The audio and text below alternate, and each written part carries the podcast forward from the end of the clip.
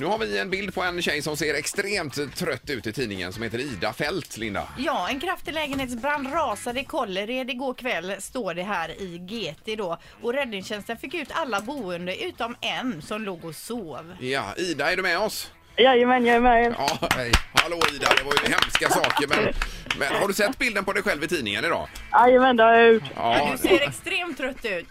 Jag är extremt trött också. Ja, för du säger i artikeln här, jag är jävligt trött av mig. Ja, exakt.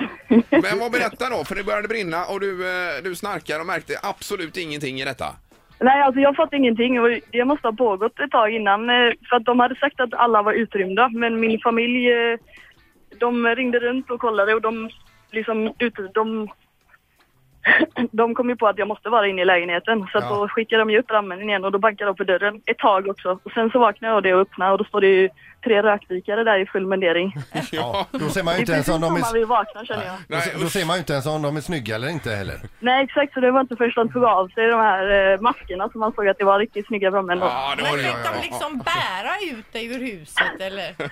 Nej, nej, men jag var ju helt nyvaken och chockad, du vet, så de fick ju förklara typ att ja, det är lugnt, brinner det här inne? Jag bara, jag vet inte, tittade ner på typ hallmattan och jag bara, nej, jag tror inte det. Nej. Och, så, och sen när de bara, ja, men du får komma ut och då klev jag ut i liksom barfota så här, de bara, nej alltså det är lugnt, branden är ju typ över nu så du kan hitta på dig skor och någon tröja om du vill. De hade Ja, hunnit okej, ja, just det, släcka just det. branden och Ja, exakt. utrymt hela eh, Men vad, lägenhetskomplexet. vad var det för någonting då? Vad, vad var det du hade fjuttat på någonstans? Jag vet inte, då, det jag har läst själv för jag vet inget annat men det är typ att det var något badrum eller något på, det var lä- lägenheten nedanför mig som började brinna. Ja, okej. Så Någonting med någon tvättmaskin eller någonting sånt. Aj, aj, aj. Ja. För eh, ser man bilder på det här nu så, så det, blicken du har den säger mer så här liksom, måste det brinna just här?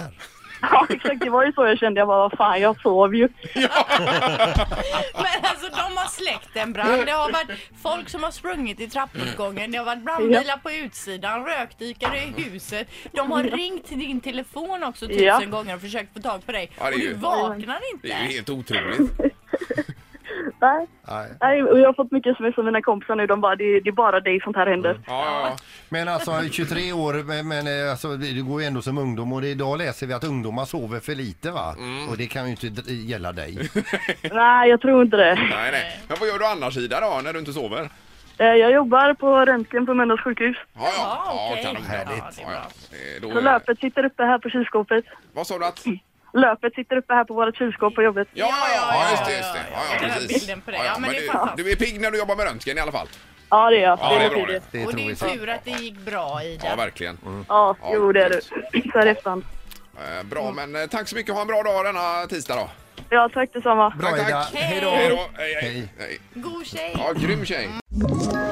Ett poddtips från Podplay. I fallen jag aldrig glömmer djupdyker Hasse Aro i arbetet bakom några av Sveriges mest uppseendeväckande brottsutredningar. Går vi in med hemlig telefonavlyssning och, och då upplever vi att vi får en total förändring av hans beteende. Vad är det som händer nu? Vem är det som läcker? Och så säger han att jag är kriminell, jag har varit kriminell i hela mitt liv men att mörda ett barn, där går min gräns. Nya säsongen av Fallen jag aldrig glömmer på Podplay.